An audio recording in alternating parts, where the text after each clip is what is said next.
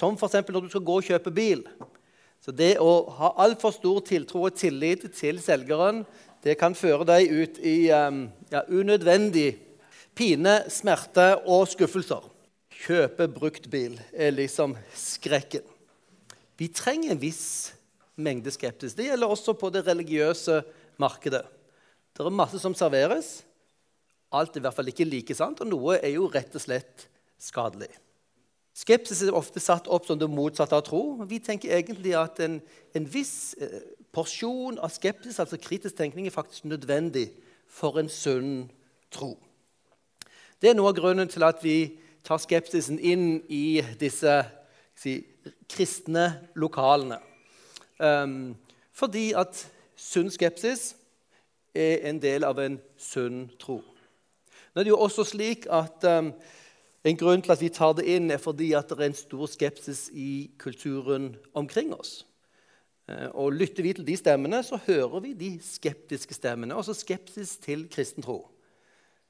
Og det er en veldig god, nyttig ting for oss. Da må vi tenke gjennom ting på nytt, vi som tror på dette, og mener vi tror på det så kan vi faktisk lære en god del nye ting. Og det må jeg si at Mitt eget arbeid med disse tingene og møte med innvendinger og spørsmål har vært det aller mest lærerike. Det har vært utfordrende. Og uh, av og til har måttet jobbe med det over tid. Sånt. men um, det å møte spørsmål og være villig til å møte spørsmål er faktisk en viktig læringsprosess. Og det er viktig for oss i forhold til eh, å kunne dele vår tro i den kulturen vi befinner oss i. Fordi, eh, og, Hvis man som kristen skulle da hevde at ja, ja, fordi Paulus har sagt det, så er ikke det noe som akkurat styrker din case i det hele tatt i den normale offentlige samtalen. Paulus er ikke et pluss, men et minus i de aller fleste nordmenns ører, vil jeg faktisk tro. I hvert fall de som ikke regner seg som personlig kristne.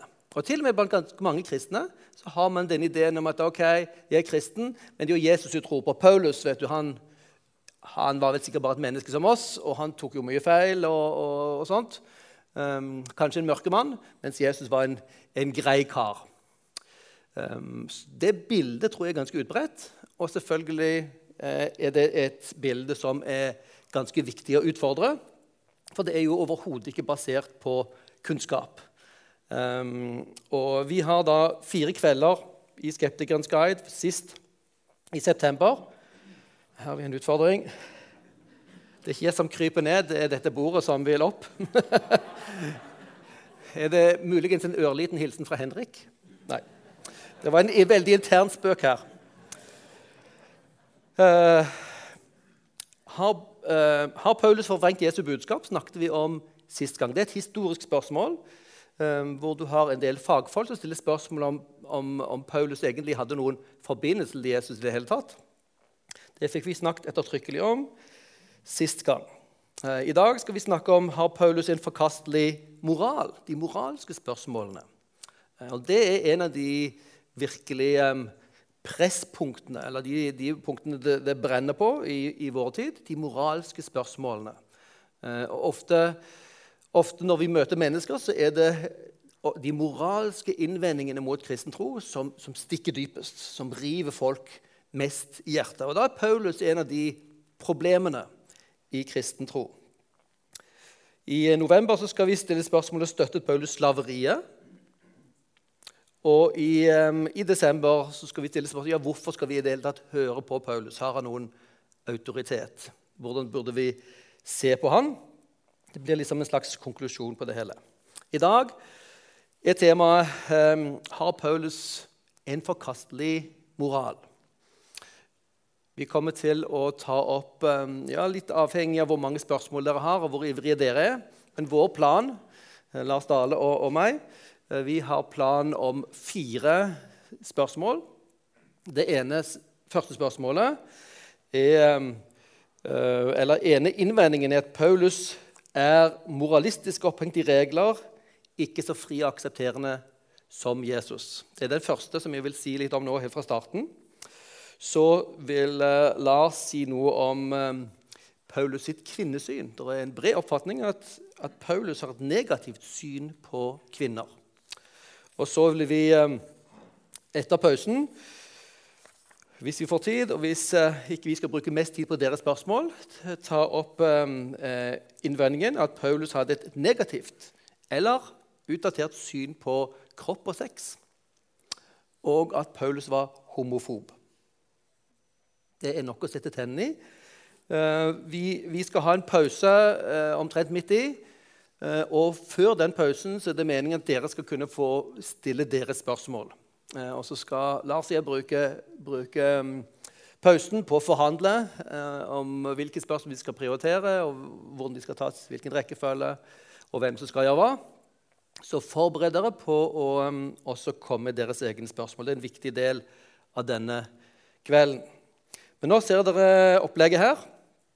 Og uh, vi kan jo koble til Tom Egelands ferske thriller. krimthriller fra i sommer. Kodeks.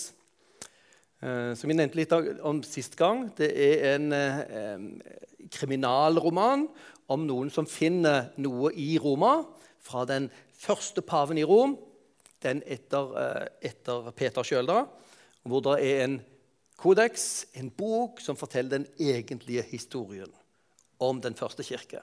Historien er at det er en skarp konflikt mellom Paulus og alle de andre apostlene. Paulus vinner den kampen. Han er den som skriver historien. Han er den som overtar hele kirkehistorien. Eh, og han er det som har skapt vår kristendom. I noen av bisetningene så får vi av Tom Egeland også beskrevet Paulus omtrent som dette. At han, eh, Paulus forvrengte Jesu budskap om kjærlighet og medmenneskelighet til kvinnefiendtlighet og moralisme. Så disse oppfatningene finnes altså i kulturen. Eh, og jeg tror mange, før de leser Tom Egelands bok, allerede mistenker at både kvinnelig fiendtlighet, moralisme og verre ting finnes i Paulus sine skrifter.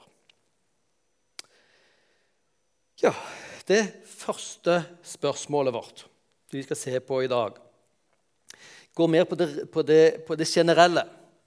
Nemlig um, spørsmålet om ikke Paulus er så moralistisk, opphengt i regler, og en kontrast til den Jesus vi kjenner fra evangeliene, som var fri og aksepterende. Um, ikke kom med strenge formaninger og instruksjoner til menighetene. Men som løp friskt og rundt, raskt rundt på Galileas uh, fjell og vang. Uh, og klappet sauer og helbredet syke. Var bare snill og grei. Den første speider, kunne det virke som. Um, og så kommer kontrasten til den mørke Paulus, som har så mye strengt å si, og som um, synes å tilta seg en sånn moralsk autoritet som er litt fremmed for oss. Ok, la oss lytte og smake på spørsmålet eller utfordringen eller innvendingen til Paulus. Paulus er moralistisk og opphengt i regler. La oss ta det først. Paulus er moralistisk og opphengt i regler. Ja, det kom litt an på hva vi mener med moralisering. Men en eh, forskjell på moral og moralisering er når du, når du moraliserer, så setter du deg sjøl over de andre på en dømmende, arrogant måte. Når du snakker moral, så kan du, med, du kan formidle eh, og formane, men det er, ikke, det, er du, det er ikke en moral du presser på andre. Sånn pleier man å bruke ordet moralisering. Om noe, du snakker på en negativ måte om moral. Men merk dere, selve denne påstanden er jo moraliserende. Ser dere? Den setter seg over Paulus på en måte som fordømmer Paulus. Det er bare en observasjon. Og Sånn er det ganske ofte med, med mange innvendinger, også mot kristen tro.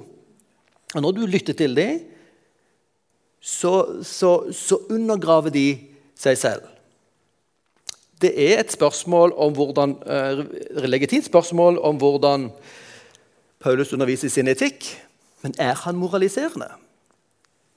Og kan vi dømme han fordi han er moraliserende? Ja, da moraliserer vi også. Så Vi trenger å tenke på forskjellen mellom moral og moralisering. Eh, vi kan jo fordre dere selvfølgelig til å lese Paulus. Les han med friske øyne, så tror jeg dere vil bli overrasket hvor lite han moraliserer. Hvor mye han underviser. Det andre poenget poeng i forhold til dette med, med kritikken av Paulus' uh, måte å tenke moral på, er at kritikk av moral forutsetter en høyere standard. Når du kritiserer noen sin moral, så er det jo fordi du sjøl har en høyere moral. Og du må gjøre rede for den moralen du har, som er standarden, og forklare hvorfor den er høyere enn det du kritiserer. Det er en nyttig ting å tenke, tenke igjennom. Det er helt legitimt å kritisere andre. Vi gjør det hele tiden. Men da må vi være ryddige med ja, hva er standarden vi sjøl bruker, og hvorfor er nå den eventuelt høyere enn de vi kritiserer. Det skulle også være nødvendig her å tenke igjennom. Um, og hvilke, hvilken moral og hvilke regler er det vi snakker om? Fordi Egentlig vi alle, vil vi jo alle ha en moral. Moralen som ligger i denne innvendingen, er jo at det er ikke snilt å moralisere. Det er også en moral. Og så er selvfølgelig Problemet med påstanden er jo at det er så uklart om moralisering er. At du kan bruke den mot noen at de du ikke er enig med. Du moraliserer. Mens du sjøl kan stå og, og få preke akkurat som du vil mot de andre. Så er spørsmålet ja, hvilken moral og hvilke regler vil vi ha? Og hvordan kan vi argumentere for dem? Og Der kan vi få masse interessante samtaler. Men allerede i et spørsmål så ligger det altså veldig mye, mye interessant vi kunne diskutere. Jeg bare vil påpeke nå at under denne innvendingen ligger det masse store spørsmål som trenger å nøstes opp i. Den andre delen av innvendingen er jo den kontrasten til Jesus som fri og aksepterende i moralske spørsmål. Man lurer jo på hvor folk har lært om Jesus. Jo, du, du mener bergprekenen. Ja, hva har du hørt fra bergprekenen? Leser du bergprekenen og tror at dette er sånn et allmenn religiøs skrift, og faktisk hører hva som, som sies der, ja, da får du bakoversveis. Du rystes til ditt ytterste. ikke sant? For det er jo ikke bare slik at, eh, at eh, Jesus i bergpreken bekrefter Det gamle testamentet og Guds rettferdighet og hans rett til å dømme, men han innskjerper det. Sånt. Han innskjerper uh, budet mot å drepe med å si at hat og forakt i hjertet det er akkurat like ille. Det er der drapene kommer fra.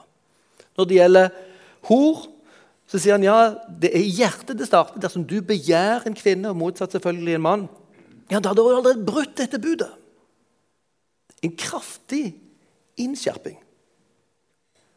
Og det er så, det er så skarpe, skarpe, ord at du, du hører ikke disse engang hos Paulus. Er, Paulus, er Jesus bare den snille, gode? Hos Jesus finner vi en, en blanding av en, av en, person som er veldig åpen og kan ha relasjon til alle mennesker. De som falt utenfor, de som var eh, syke, de som var eh, underklasse, de som var utstøtte, prostituerte og det vi kaller tollere, som egentlig vil si landssvikere. Jesus omgikk med de på en helt naturlig måte og som selvfølgelig opprørte samtiden. Men i sin undervisning, når du hører hva Jesus sier, og han sier 'velkommen inn i Guds rike', men sier ikke alt er ok. Så det som, eh, det som Jesus sier til, til um, hun eh, som er grepet i hor i, i Johannes evangel kapittel 8 Interessant at da, Hvis hun er grepet for fersk gjerning i hor, så må det være en til til stede. da. Hvorfor tar de bare kvinnen? Det, det, viser jo hvor, hvor hyklerisk hele oppsettet der er. De gjør det som en felle for å ta Jesus. Og Jesus sier heller ikke 'jeg fordømmer deg'. Og Det betyr ikke at Jesus nå har besluttet at, eh, at det sjette bud ikke lenger betyr noe. Han sier 'gå bort og synd ikke mer'. Jesus tar imot alle, og så vil han gi dem et nytt liv. Føde oss på nytt, som han sier i Johannes evangeliet, og starte oss inn på en ny, ny sammenheng hvor, hvor ikke det er likegyldig hva vi gjør lenger. Og så er det en interessant spørsmål her når vi, når vi dømmer Paulus for en dårlig moral. Hvilket bud er det egentlig? Altså, hvilke, hvilke, moralske temaer er det det er snakk om? Ønsker vi å oppheve forbudet mot å stjele og lyve og drepe? Nei. Alle er jo enige om det, ikke sant? Så det er ikke sånn at vi, vi vil bare kaste vekk Paulus. Det er hovedsakelig ett tema. Det kommer vi litt tilbake til. Det er synet på seksualiteten. Aller mest. Vi vil ha nye grenser. Vi vil ikke binde oss til, uh, til denne forståelsen, disse grensene som vi har her. Og derfor passer ikke Paulus inn i vår tid. Et nytt syn på oss selv, på kropp, på seksualitet har tatt over. Og det er en av utfordringene. Så merk dere det. det er ikke, Når man kritiserer Paulus, så er det et utvalg av temaer. Um, og um, også dette med slaveri kommer jo inn, inn, i bildet her, men det vil vi kanskje si er muligens en uh, misforståelse. Hvis vi nå skal se litt på Paulus sin, uh, Paulus sin etikk og moral, sant? hvordan han tenkte om hva som er rett og galt, så må vi huske på hans arv fra jødedommen. Der har han Moseloven, Alt i Gammeltestamentet kan kalles loven, Guds undervisning om hva som er hans plan med universet og med, med sitt folk Israel. Og de lovene han gir for det spesielle folket som vi kaller Moseloven. Han har gitt de loven, budene, og så har han gitt de en virkelighetsoppfatning. Det som, det som ser eh, spesielt ut, og som er veldig, veldig radikalt med Paulus, er jo det at han hevder at Moseloven er oppfylt og ikke lenger er bindende for den som er i Kristus. Det er veldig det den virkelig radikale tanken som Paulus kom med, og som, som Kirken hadde problemer med å, å, gripe og forstå og anvende de første ti årene. Og som det var kraftige diskusjoner om, eh, vet vi, eh, hvor Paulus var den som, som var en av de viktigste personene eh, på disse barrikadene. Som gjorde kristentroen til å være noe mer enn en jødisk sekt.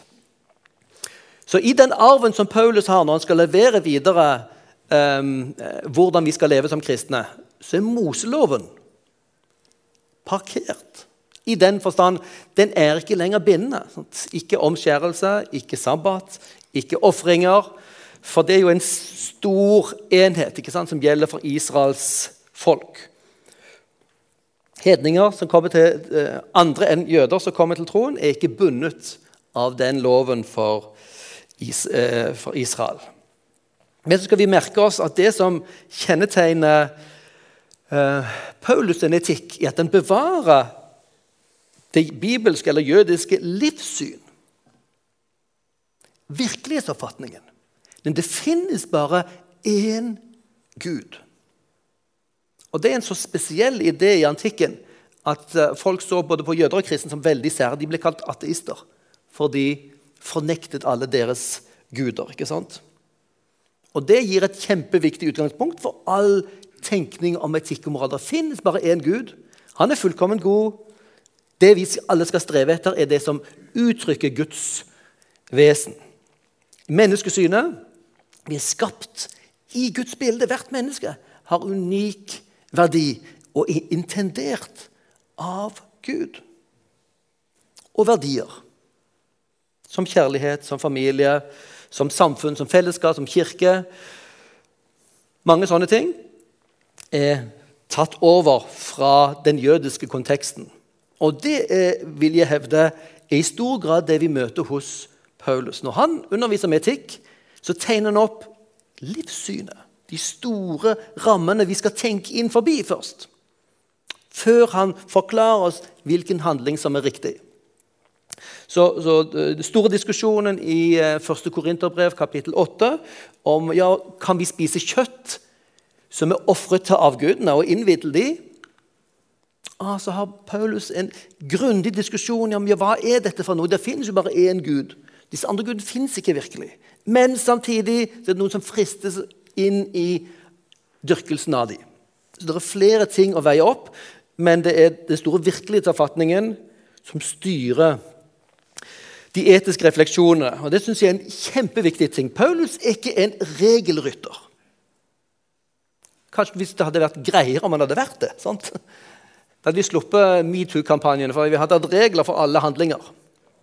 Faktisk så, så Hvis dere kjenner litt til islam, altså mer klassisk ortodoks islam Den er enormt styrt, sånn som fariseisk jødedom var, at vi må vite nøyaktig i hver bit av livet hva som er riktig handling. Hvordan vi vasker hendene, hvordan vi ber, hvordan vi hilser, hvordan vi kler oss.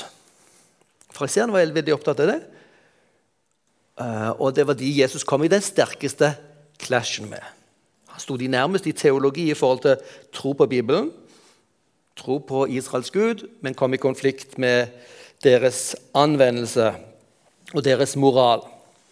Skal vi si noe helt kort om uh, Paulus' sin etikk igjen? Den er ikke moraliserende, slik vi tenker en pådytting. Dere må gjøre dette.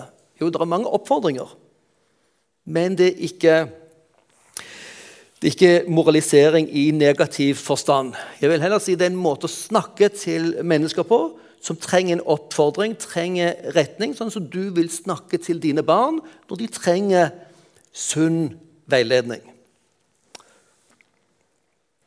Og Det som er interessant, når han, når han eh, kom med sin veiledning, så argumenterer han for sine moralske vurderinger. Eksempel her er 1. Korinterbrev kapittel 6. Enkelt det seks kapitlet hos Paulus. Enkelt å huske. Diskusjonen om prostitusjon. Så var det helt opplagt i antikken at en, som var, en mann som var over 18 år, hadde rett til å gjøre seg bruk av prostituerte. Og De trengte jobb, og så, videre, så hvorfor ikke? Og Når Paulus argumenterer her, så sier han at ja, det er forbudt, for det står i Moseloven. Han nevner ikke Moseloven. Han bruker seks eller syv argumenter for å forklare de teologisk hva er det som skjer. Hvorfor er dette galt? Hvorfor kan ikke en kristen gå med på det som en helt opplagt rettighet? Ikke bare mulig, men en rettighet til enhver voksen mann i antikken. Hvis vi da tenker typer, typer etikk hos, hos Paulus, så er det veldig lite pliktetikk. Hvor han sier 'ikke gjør det fordi det bare står sånn'. Det er ganske lite konsekvensetikk. Når du ser at du må tenke på følgene av handlingene dine. og Det er det vi må gjøre f.eks. når vi spiser det avgudsofferkjøttet, så vi ikke skal lede folk i, i, til fall. Du tenker på konsekvensene av dine handlinger også. Men det som faktisk særpreger Paulus sin etikk, er det som vi kan kalle dyd- eller dygdsetikken. Hvis dere har vært inne på disse teoriene. Det har de nå på videregående skoler. Og Dette er en arv fra Platon og Aristoteles som understreker en persons personlige egenskaper, eller det vi kan kalle dyder. Ikke bare på handlingene og valgene, men hva er det som er godt? Hvordan kan vi bli gode mennesker? Hvilke egenskaper vi trenger vi? Um, og uh, I antikken og spesielt Aristoteles tenkte om dyder som balanse mellom ytterligheter. Mellom å være for sløv og å være altfor ivrig. Tenk i, forhold, tenk i forhold til mat. Å spise altfor mye og ikke spise noen ting. Det gjør det begge tingene syke. Og det, veldig mange ting i våre liv er slik at det fins grøfter. Og det fins eh, levemåter som, som eh, skader oss. Og med dydsetikken så prøver du å finne den måten å leve på, den holdningen, som bærer deg på midten, som, som er den gylne middelvei. Eh, og den, den sentrale den sentrale dyden i, eh, i denne etikken kalles moderasjon. Moderasjon. I um, Filippabrevet dukker det ordet opp som synne på gresk. La alle Herren er nær. La alle mennesker merke at dere er Hva kommer? Vennlige. Veldig rart ord. Hvilken sammenheng? Det er moderasjon. Den sentrale dyden i hele dydsetikken. Hvordan vi kan greie å kontrollere våre egne impulser, vår egen dumhet. Jo, du skal være balansert, gjennomtenkt. Og vi trenger et helt liv og et fellesskap for, det, for få det til å fungere. Og hovedfokus vil jeg si rett og slett på tenkningen. Eh, I teologien til, til, til Paulus ser vi at, at, han er veldig opptatt av frelse fra synd.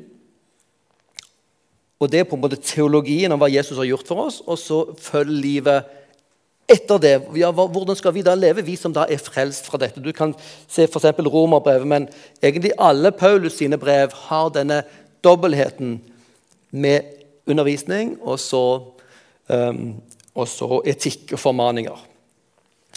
Roman 12, 1 og 2 og Kolossene 3 kunne vært gode eksempler vi skal se på.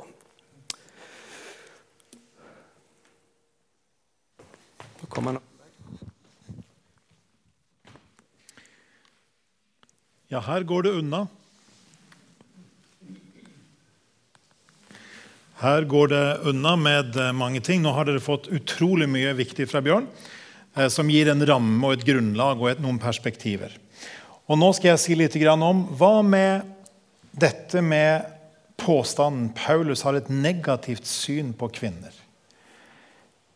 Ja, Jesus, det var jo han som vi leser om som de første som så han som oppstanden, eller så den tomme gran, var jo kvinner. Så vi, Jesus møtte jo løftet opp kvinnene.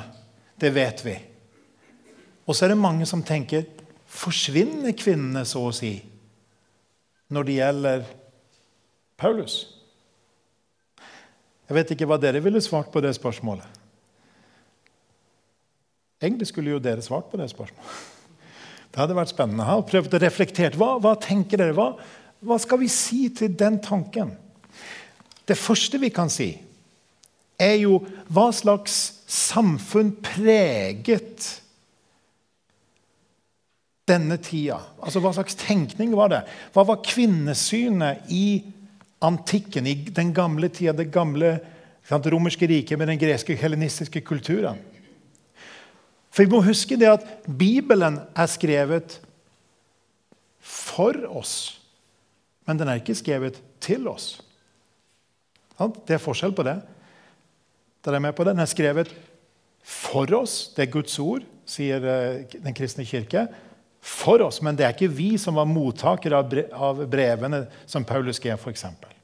Derfor må vi leve oss inn i hvordan den tida var, for å forstå det. Og så kunne forstå som, eh, hvordan vi skal, skal, forstå dette i sammenheng i det større bildet. Og Bjørn har allerede nevnt at to av de absolutt viktigste personene i den gamle tida, det var disse kjente filosofene Aristoteles og Platon. Og det er jo interessant. Jeg har undervist en god del om talekunst, retorikk. Det er utrolig. Du kan bruke Aristoteles. Kan? Rett av papirer. Kan? Det har ikke skjedd noe på 2500 år. Eller litt over 2000 år. ikke sant? Det er fantastisk aktuelt. Når det gjelder Aristoteles, så skrev han om hustavlene. Altså veiledning for hjem og samfunn. Og Det interessante spørsmålet når vi sammenligner de hustavlene vi finner i Det nye testamentet, f.eks. i Efeserbrevet 5 eh, og 6 med Aristoteles, hva ser vi da?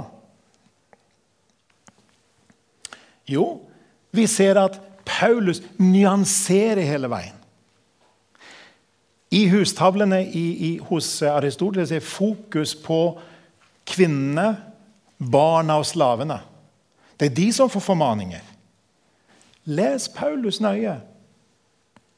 Ikke bare kvinnene, men det er mennene. Sant? Ikke bare slavene, men det er herrene. Ikke bare barna, men det er foreldrene.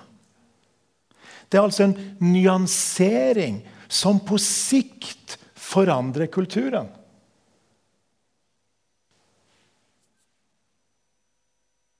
Så hvis vi går til det prinsipielle ja, vi kjenner alle utsagnet i Galaterbrevet.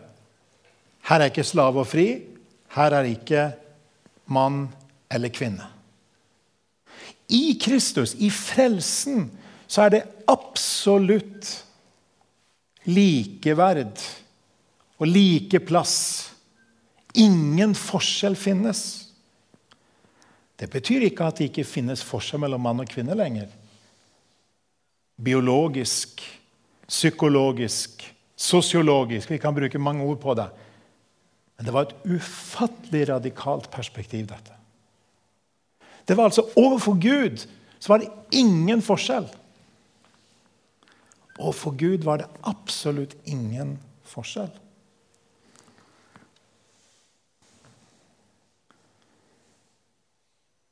Hva tror vi, hva tror vi når, når, forskere har sett på dette? Paulus og de andre kirker, de første kirkens ledere, førte det til at det kom mange kvinner til kirken, til menighetene, eller kom det få? En av de mest interessante eh, forskerne heter Rodney Stark.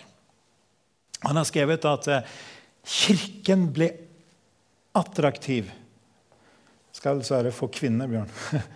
Attraktiv for kvinner i antikken. Eh, det er Bjørn som fikser alt, så han skal ikke ha noe, noe anklage for dette. han. Eh, dette gjorde Kirken attraktiv for kvinner i antikken. Kvinner kom i flertall. Tenk det. Tenk at et samfunn der det å på en måte eh, eh, Det å søke seg til nye tanker var ofte mennenes privilegium søke etter nye bevegelser ofte mennenes privilegium. I dette tilfellet finner vi at når det gjelder Kirken, så var kvinnene i flertall. Mens ofte var det en mangel på, på oppmerksomhet rundt, rundt eh, eh, kvinners situasjon i samfunnet for øvrig. Og også, også en mangel faktisk på, på kvinner totalt. Så er det noe veldig interessant Jeg vet ikke hvor mye dere har lest Romerbrevet 16. Det er ikke sikkert eh, et av de kapitlene dere har lest helt til det siste. For det er mange navn der. Skal vi kikke på de navnene? Nå jeg, fikk jeg ikke plass til, fikk vi ikke plass til alle navn. Men interessant spørsmål. Når Paulus skal ha en oversikt over medarbeidere, lærere og ledere som står rundt ham, hvor mange av de var kvinner? Da snakker vi om praksis. Hvordan var det i, i hverdagen, i menigheten. Her har vi løftet frem alle kvinner som er nevnt. Nå er det noen vers som er tatt ut, så det gir ikke et helt bilde. Men allikevel er det altså, vi må ikke glemme det, det var fullt av kvinner. Ta formuleringene her. Jeg anbefaler vår søster Føbe for dere. Hun er en diakon, altså en viktig rolle i menigheten i Kenkre. Ta imot henne i Herren slik det sømmer seg for de hellige. Gi henne den hjelp hun måtte trenge av dere. For hun har selv tatt seg av mange, også meg. Her løfter altså Paulus en medarbeider Føbe veldig høyt opp.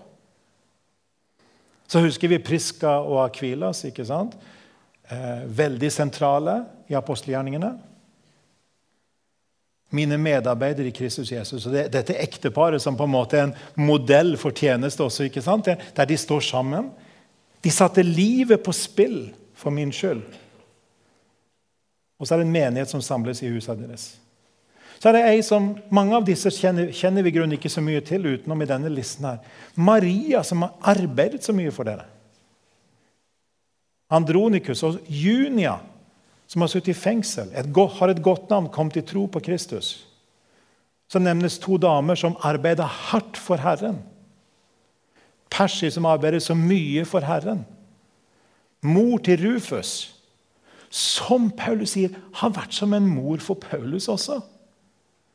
Er ikke dette en veldig vakker skildring av den første forsamling, første menighet, der vi ser at her er det nære relasjoner? Det var ikke rart at da menigheten var et vitnesbyrd for folk flest. Det står også, som dere ser, noen andre. Det kan være interessant hvis dere ser de siste kapitlene som regel i, i hvert fall de lengre brevene av Paulus. Der møter vi persongalleriet. Og tenk over hvor mange av disse som faktisk er kvinner. Og hvor høyt Paulus verdsetter de i det han sier. Ok, prinsipielt sett ble kvinner satt høyt. I praksis ble kvinner satt høyt. Det betyr ikke det at det ikke er noen plass igjen for oss menn. Takk og lov så er det det òg. Så det er på en måte denne utfolde hverandre sant? sammen i tjeneste. Um, det er et veldig flott bilde.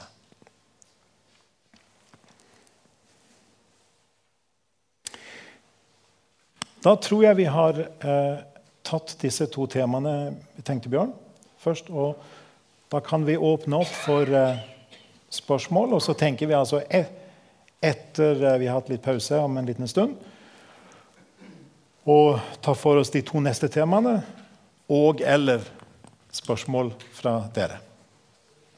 Og dere må, dere må, gjerne spørre om andre temaer enn de vi holder på med også, i dag også. Men, men, vi vil jo prioritere disse temaene knyttet til Paulus sin moral spesielt i dag.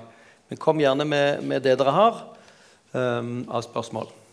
Folk har sånn lyst på kaffe nå. vet du. Ja, Og så sa vi det skulle være om kropp og sex etter kaffen.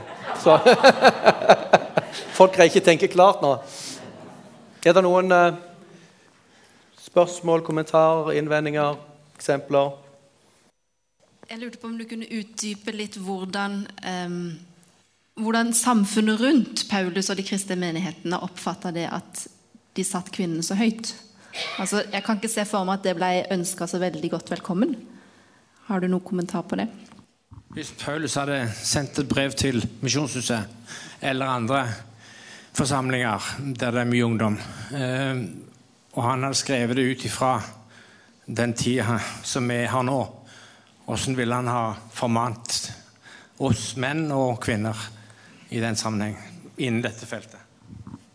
Eh, du nevner litt om eh, at kvinner var lærere og ja, Jeg husker ikke alle stikkordene du hadde på powerpointen. Kunne du nevnt hvor det står hen? Paulus uh, har en ganske tydelig mening om hva han tenker om kvinnens rolle i menigheten i uh, Korint, f.eks. Hvordan uh, skal vi forholde oss til det, eller hva, um, hva, Hvorfor er han så tydelig om sine meninger der. Ikke noe mer? Ok. Ja. Vi har uh, en liten Ja, må trykke på i pausen nå. Ja, vi har det.